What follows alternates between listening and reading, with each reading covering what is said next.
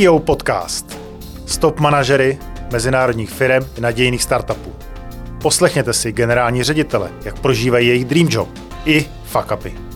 Inspirujte se od nejlepších v managementu, v prodeji, marketingu i jak dělat skvělý rekrutment. Dobrý den, Milan Mahovský eh, v podcastu Dream Jobs. Eh, dneska tady máme eh, po druhé CEO Delu Romana Cabálka. Dobrý den. Jsem rád, že si můžeme znovu povídat. Dneska bych rád si s váma povídal o umělé inteligenci, možná o coachingu, který jsme minule trochu načali, a je třeba o Delu, který jsme ještě, ještě trochu opomenuli. Tak vyberte si, co vás zajímá dnes.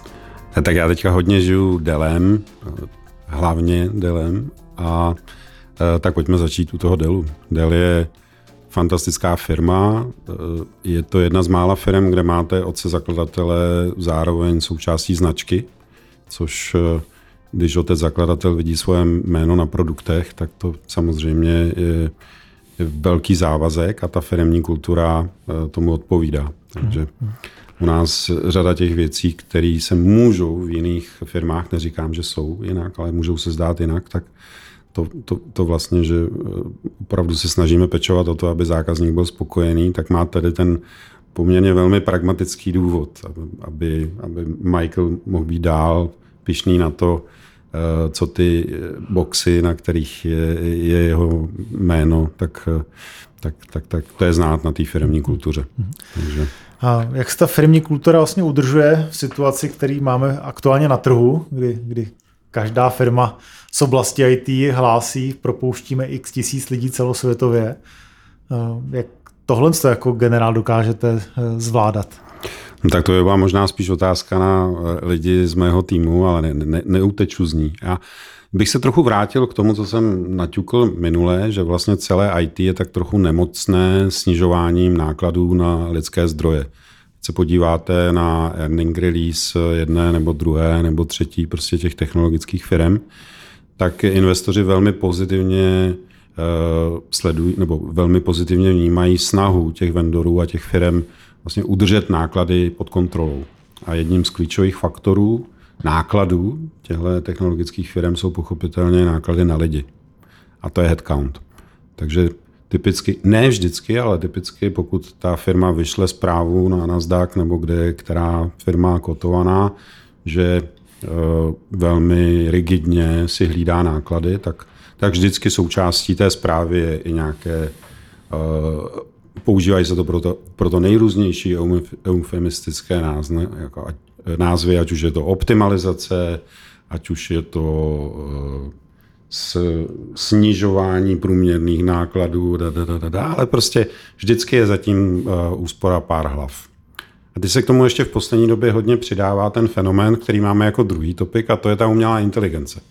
Vlastně nejrůznější agentury, které monitorují trh a snaží se mít v ruce tu křišťálovou kouli a říkat, jak to bude vlastně v tom biznesu za 5, 10, 20 let, tak hlásí, kolik tisíců nebo milionů jobů bude nahrazeno umělou inteligencí. Takže když teď po těch eh, mnoha desítkách bohatých let eh, žijete a pracujete v IT, tak to nejsou zprávy, na které ty ITáci byli úplně zvyklí. Že nás bude ITáků míň a že část nás jako ajťáků nahradí ta umělá inteligence. Takže to hřiště se změnilo. Změnilo se hřiště z hlediska motivace. Pro někoho je motivace už jenom to, že ten job pořád ještě má, zatímco u sousedů se propouštělo a zaplať pámu, že u nás ještě ne. Pro někoho je to, no tak já už to ty dva, tři roky do toho důchodu ještě nějak doklepu a mě ta umělá inteligence nestihne nahradit. Takže to jsme zpátky u té motivace jako takový, která je vždycky individuální. Ten, ten příběh každého z nás je individuální, ať už je to o tom, že je to jiný pro kluka, který předloni dodělal vysokou školu a je teďka plný sil a, a chce růst a zajímá ho, za kolik kvartálu nebo rok, let se z něj stane manažer. A, a, a jiný je to pro člověka, který skutečně už v tom IT má za sebou 40 let. Takže motivace byla, je a bude podle mě dál individuální. Takže ideální by pro nás bylo, jako pro manažery, vzít do ruky Kalašnikov a vystřelit jednu zprávu a doufat, že bude fungovat pro všechny. Ono to tak ale moc nefunguje. A nebo jestli to někomu funguje, tak eh, prosím uh, roman.cabálek.com a, a napište mi a já budu rád za ten manuál. Uh, za mě je to prostě dlouhodobě individuální. Prostě najít ten, dát si ten čas a najít ten příběh pro toho jednoho člověka, což samozřejmě nemůžete, když máte pod sebou desítky nebo stovky lidí, můžete určovat nějaké směry a, a lineovat hřiště, ale pak se musíte spolehnout na ty manažery, které v tom týmu máte, že na tom hřišti podle nějakých společných pravidel budou hrát. Můžete tomu pomáhat nějakými interními eh, rozvojovými programy. Můžete ukazovat, že do těch lidí máte dál chuť investovat, ať už jsou to hard skillová školení nebo soft skillová školení. Můžete to prokládat nejrůznějšími team buildingy, těch taky, tak jak klesají různě napříč industry náklady na rozvoj, tak, eh, tak taky pomalu ubíhá, ale myslím si, že ten základ je rozumět tomu individuálnímu příběhu toho konkrétního člověka. Hmm. Někomu stačí změnit pozici. Někdo naopak bude vyděšen, že jeho pozici, že chcete, aby dělal něco jiného, protože deset let ho baví dělat to, co dělá, tak pro, ten, ten, pro něj ten rozvojový program zrovna není to nejatraktivnější. Například. Takže zase, já nemám nějaký desatero nebo kuchařku, která by fungovala napříč, zpátky k těm listening skills, empatii a, a rozumět tomu driveru toho, toho jednotlivce. Těžký. Mm-hmm. Těžký. V poslední době kombinaci s tou umělou inteligencí a s těmi zprávami tak, 30% těchto těch jobů už tady do pěti let nebude, protože něco. Protože prostě zdokonalíme Eh, voice recognition a tím pádem jako tohle překladatelské oddělení už nebude potřeba. Nebude. Dobře, ale ten člověk má pořád ještě nějaký čas na tu rekvalifikaci a nebo se zamyslet nad tím, eh, co by obavilo jinýho, než to překládání. Takže, takže nemám uh, nějakou kuchařku. Jste vlastně naznačil nějaké změny rolí v rámci firmy. Uh, jestli se nemýlim, tak i Microsoft měl nějaké jako pravidla, že uh, x let uh, nemůžu dělat tu stejnou práci, nebo minimálně GE, GE v každém případě. Tam, tam vím, že to bylo jako hodně jako pod tlakem, uh, ta změna uh, konkrétní pozice. Jaký vy na to máte názor? Uh, jako tvrdší přístupy. Zase svět je šedý. Jo? A šedý, a co tím chtěl básník říci? Myslím si, že v nějakých konkrétních situacích to může fungovat velmi dobře, a ne ve všech situacích mi to dává smysl. Jo. Já budu příklad. Vlastně my jsme měli v Microsoftu ne úplně natvrdo pravidlo, že vlastně CEO musí každý tři roky rotovat, ale de facto hodně se po těch třech letech jako rotovalo a chodilo se do regionálních pozic a z regionu zase na lokální. A, a myslím si, že ten průvan je zdravý. Že vlastně se ten, si ten manager pak nebuduje jako nekonečný, eh, že, to, že ty vztahy musí opečovávat i s tím, aby šli převzít. Že ten člověk je pak motivovaný, když jako má nějakou eh, před, předvídatelnost toho, jak dlouho bude mít zodpovědnost za tohle nebo za tohle, přibližně, tak zároveň má nějakou motivaci vychovat si v týmu nástupce, který to pak převezme a, a nepřijde po něm potopa. Když ta firma to tak má, tak je to podle mě spíš dobře. Ale pak máte situace, kdy vlastně nechcete někoho rotovat každé dva, tři roky. O, já nevím, i mezi těmi CEOs, my jsme měli podle mě velmi dobře fungující instrument eh, a to byly takzvané learning circles. Prostě kruhy, ve kterých jsme se učili jeden od druhého já jako CEO českého Microsoftu, CEO belgického Microsoftu, prostě generálové z jednotlivých zemí a sdíleli jsme zkušenosti. A takže tam jsme si zároveň jako říkali, jo, tak už teďka jede čtvrtý rok, tak to už asi, jo. Ale pak tam s náma byl šéf Izraele a ten tam byl 12 let. A, a v Izraeli třeba země, kde prostě nechcete rotovat každý tři roky, protože tam, než se dostanete v té kultuře a propojíte se na ty korporace a, a v těch firmách tohoto typu musíte taky zvládat biznis se státní a veřejnou zprávou, tak prostě jsou prostředí, ve kterých ta rotace takhle často mhm. nedává smysl. A když bychom šli na ty nižší patra, eh, na třeba pozice specialistů, eh, jak, jak tam vnímáte eh, třeba ty Zase za mě, jako říct po dvou letech všude, to je hrozně zavádějící. Jo. Máme ve firmě, máme ve firmě kolegyni, která 20 let dělá na velmi podobné pozici a je v tom dokonalá. A půlka firmy si nedokáže představit, kdyby se Alice někam pohnula. A, a jestli nás dneska poslouchá, tak ještě jednou Alice, dokud ty na té pozici budeš spokojená, tak já tě nikam sunout nebudu. Ale, ale možná přeháním, možná tam není 20, ale prostě Jasně. rozhodně je to dekáda plus. A protože někdy se ty zkušenosti naberají opravdu jako velmi těžce a musí to být hrozně hluboko. Hmm.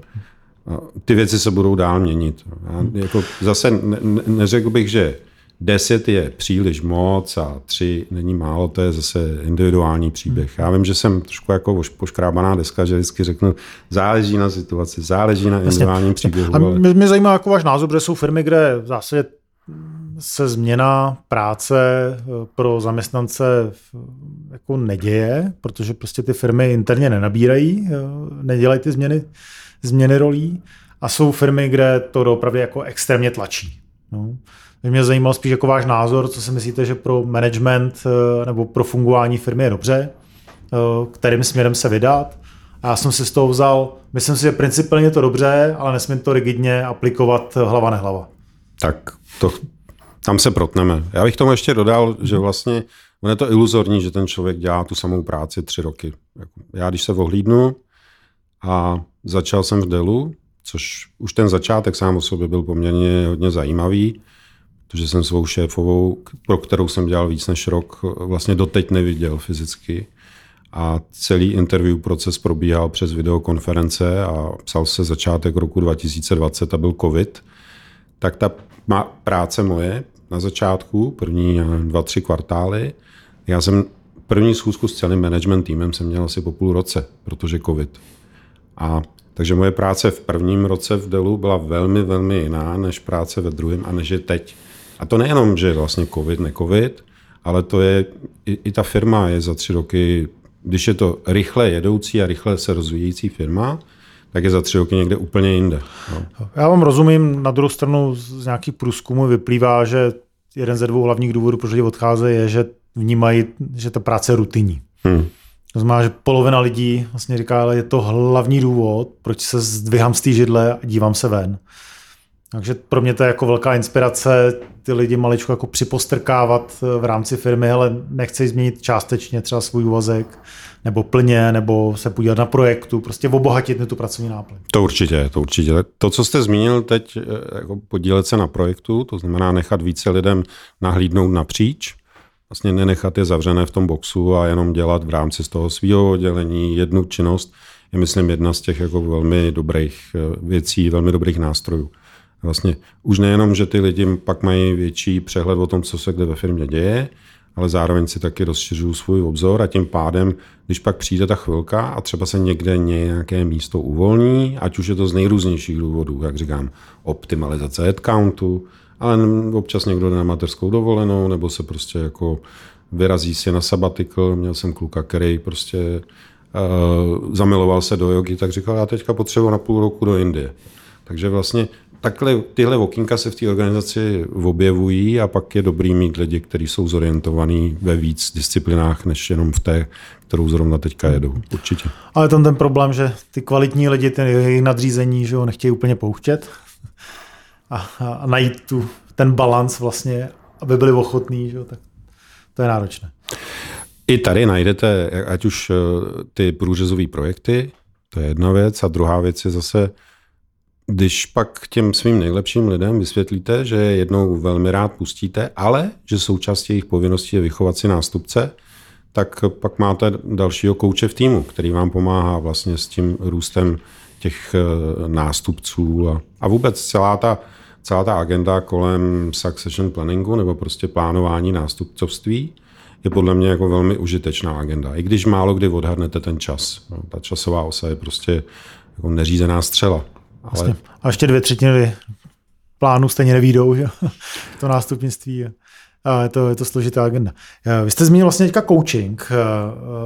I, I vím z vašeho životopisu, že vlastně mezi e, šéfem Microsoftu a teďka šéfem Dellu jste se věnoval hodně. A dodnes se věnujete coachingu.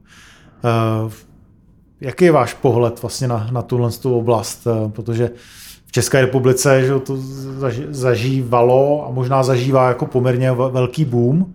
Eh, slyšel jsem hodně pozitivních hlasů, ale slyšel jsem dost často jako nějaké negativní hlasy. Eh, jak, jak vy to vnímáte? Jako, má ten coaching smysl? Za ty peníze? tak za prvý, pokud ty peníze dávají smysl v té konkrétní situaci, tak o tom si většinou rozhodne ten klient. A když mluvím o coachingu, tak eh, ten klasický coaching není, že s někým pracujete roky. No, klasický coaching, tak jak, eh, tak jak eh, jsem se učil u Radvana, anebo i u Radvana, tak, tak je o tom, že vlastně se domluvíte na nějaké úvodní hodině, na nějakém úvodním setkání s tím klientem, nalajnujete si to hřiště, vymezíte si nějaká témata, kterým se věnujete a věnujete se jim třeba půl roku.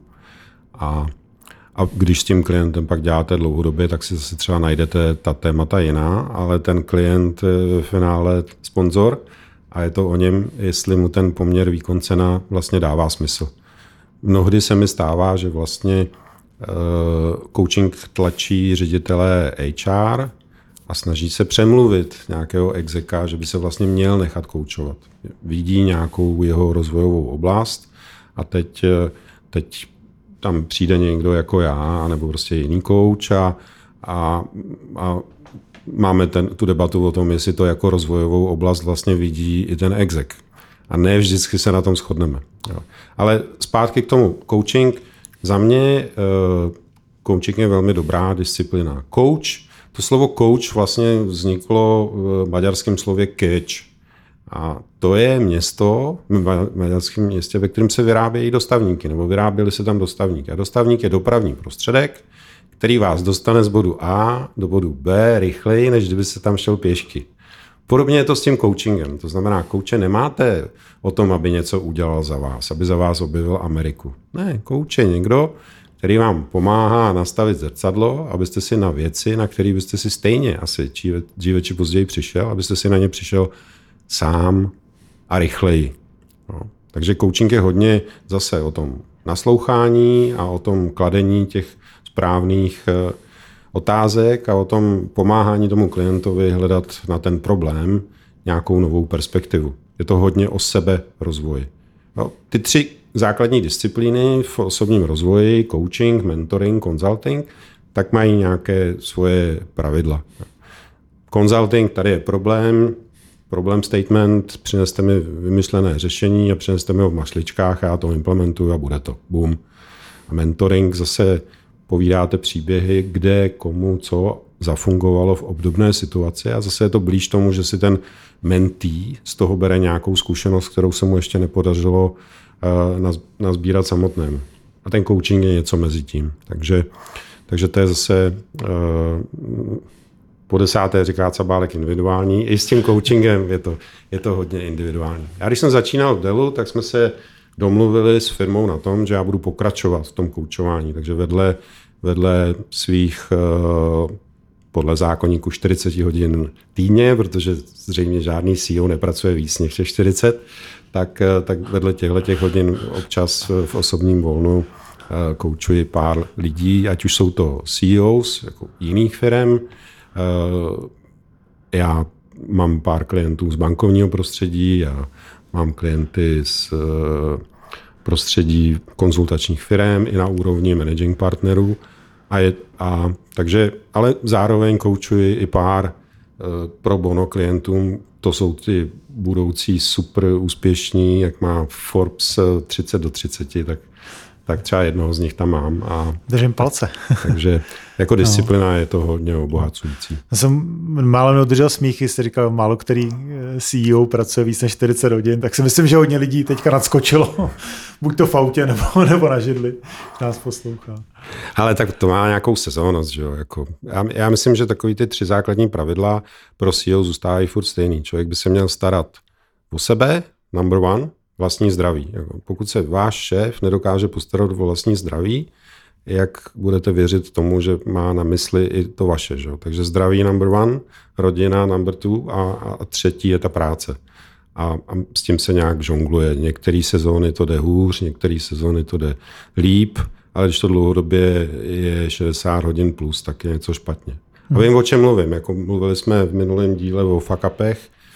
Jako, uh, myslím si, že můj workoholism, zejména na začátku kariéry, byl jako velmi velký a, a stálo, mě to, stálo mě to hodně.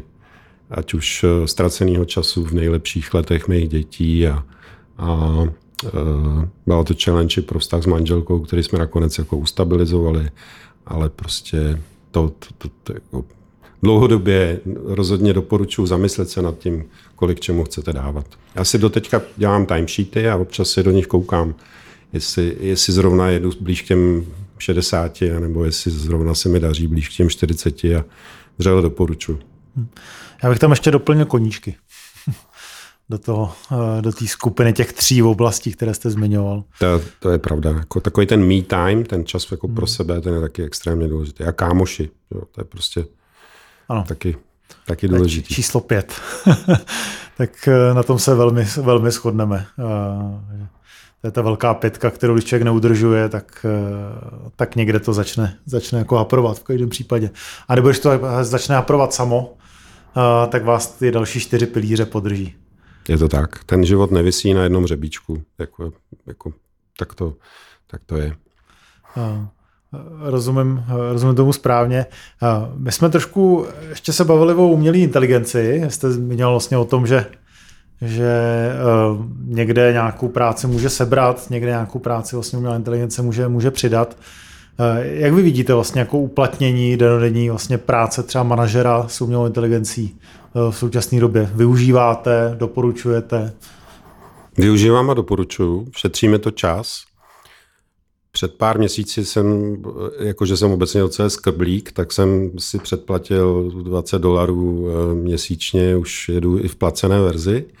A, a co už, už jako rozhodně jsem nebyl eh, fast mover, spíš lagard, jak vnímám řadu svých eh, kolegů. A má to samozřejmě svoje úskalí. Teď mluvím o té generativní umělé inteligenci, protože umělých inteligencí je prostě bambilion druhů a teď je v poslední době vlastně s každým, s kým se v biznesu bavím, a když mám obchodní schůzku, tak se zákazníky typicky vždycky tam zazní dvě témata. A to už je druhý rok. Jedno téma je bezpečnost a druhé téma je umělá inteligence.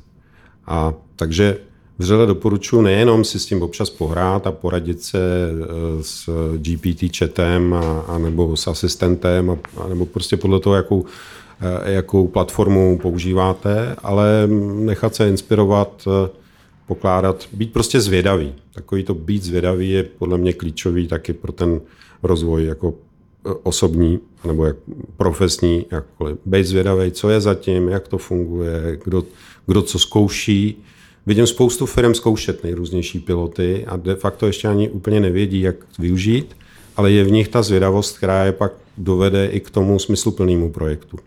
Dělal jsem řadu projektů, který smysl nedávali. Prostě nakoupili si, uh, nakoupili si infrastrukturu, prostě silný stroje, kterým zpracují data, ale ještě nevěděli úplně co a který data. Takže obecně rozhodně doporučuji si se, se s těmi základními Eh, základními eh, benefity seznamovat.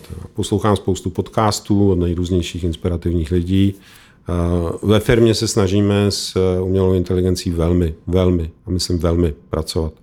V tuhle tu chvíli v Delu je, a to můžu říkat veřejně, máme 162, to bylo minulý týden, jsme měli 162 globálních projektů v oblasti umělé inteligence, které jdou napříč nejrůznějšími disciplinami. Když nás poslouchají obchodníci nebo obchodní ředitelé, tak eh, naši pipeline kvalifikuje umělá inteligence z části. To znamená, kouká se nám do zápisů v eh, našem eh, interním systému, vyhodnocuje, dává další dotazy a vlastně hledá, co by ty obchodníci, co by ti obchodníci měli ještě dělat, aby ten obchodní případ byl lepší, silnější, co by zákazníka. Takže prostě jedna oblast je i samotný obchodní proces. No. Dell představil před kvartály takovou vizi, že vlastně v tuhle tu chvíli je ta umělá inteligence svým způsobem takový asistent. Když bych se držel originálu, tak vlastně human decision with AI guidance. Hmm. Vlastně dostáváme nějaký našeptávače, který nám říká, jako tohle to by mělo být správně. A ta budoucnost toho obchodního procesu, tak jak ji vidíme, je vlastně AI uh, with human guidance.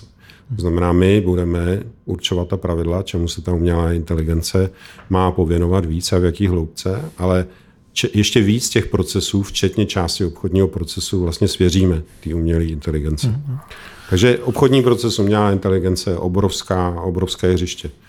Potom pochopitelně eh, generování obchodních příležitostí jako takových.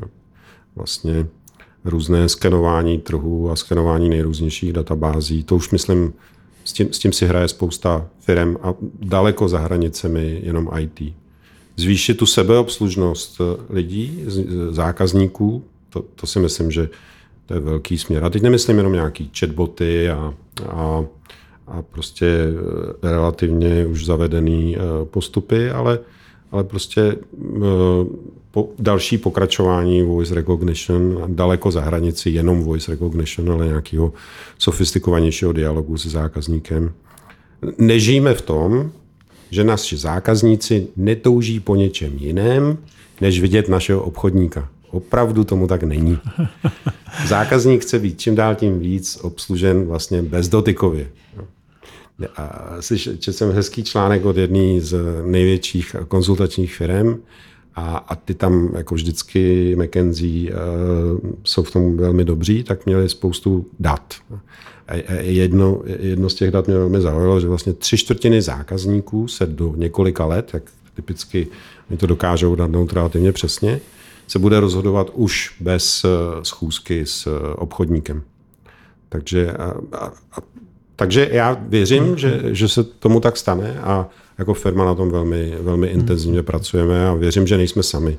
Když se podíváte na současný bankovní produkty a bankovní servis a úroveň sebeobslužnosti u největších bank, tak a srovnejte si to s tím, kde jsme byli třeba před pěti lety. To je prostě tak, takový fičák, že... Já jsem si jako AI může mít i zpětný dopad vlastně na digitalizaci, protože tady já vnímám velké rezervy. Jak to vnímáte vy? Digitalizaci, jak to přesně myslíte?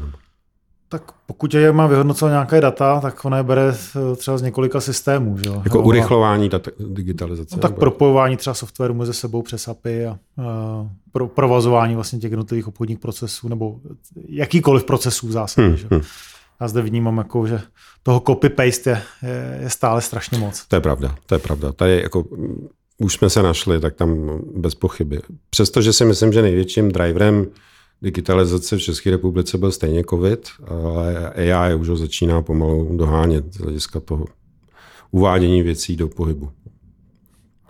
Jako, a teď myslím, myslím jako takový téma, který je pro nás obrovský, jako IT, jako, jako, jako industry nebo jako cech, je vlastně digitalizace státní zprávy. A to není unikátní v Čechách, to je prostě globálně tak jako komerční firmy se budou snažit a snažíme se čím dál tím víc, aby interakce s klientem, se zákazníkem byla čím dál tím víc sebeobslužná. My to děláme hlavně kvůli PNL, protože doufáme, že časem ty stroje budou levnější než, než lidi a tím pádem, že ta profitabilita bude ještě lepší a zároveň, že uvolníme lidi, aby si věnovali těm věcem s větší přidanou hodnotu, abychom ještě víc využili jejich kreativitu a, a komunikativnost a podobně. Tak e, stejně tak je řada státních zpráv, nebudu říkat států, ale státních zpráv, který mají podobnou ambici a to je vlastně obsloužit občana sebeobslužně. Tady jsem se dopustil nějakého srovnání covidu, že vlastně jako řada věcí, která dřív probíhala na schůzkách nebo na úřadech, ta pak najednou musela proběhnout vzdáleně, digitálně. Takže tady tím jsem myslel, co covid vlastně urychlil. Ale na druhou stranu, když se podíváte na řadu procesů u nás, a nejenom u nás, jako Češi na tom nejsme nějak jako extrémně dobře, ale to není jenom česká nemoc, co všechno ještě se dělá nejenom cut and paste, ale vlastně papír, formulář, eh, obálka, tak to je obrovský pole, kde, kde k tomu rozvoji ještě musí dojít.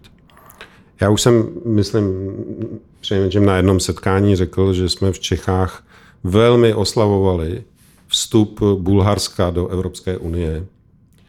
A na dotaz, proč jsme oslavovali právě Bulharsko, Vstupem Bulharska do Evropské unie jsme přestali být poslední v rychlosti digitalizace státní zprávy a dostali jsme se na předposlední místo.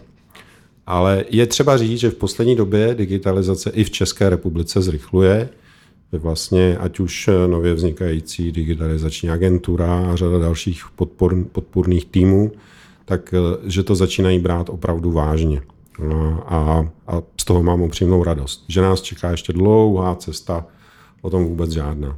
Ale to, tolik, který si přihřívám polištičku kolem té digitalizace a, a kde vidím to největší budoucí hřiště.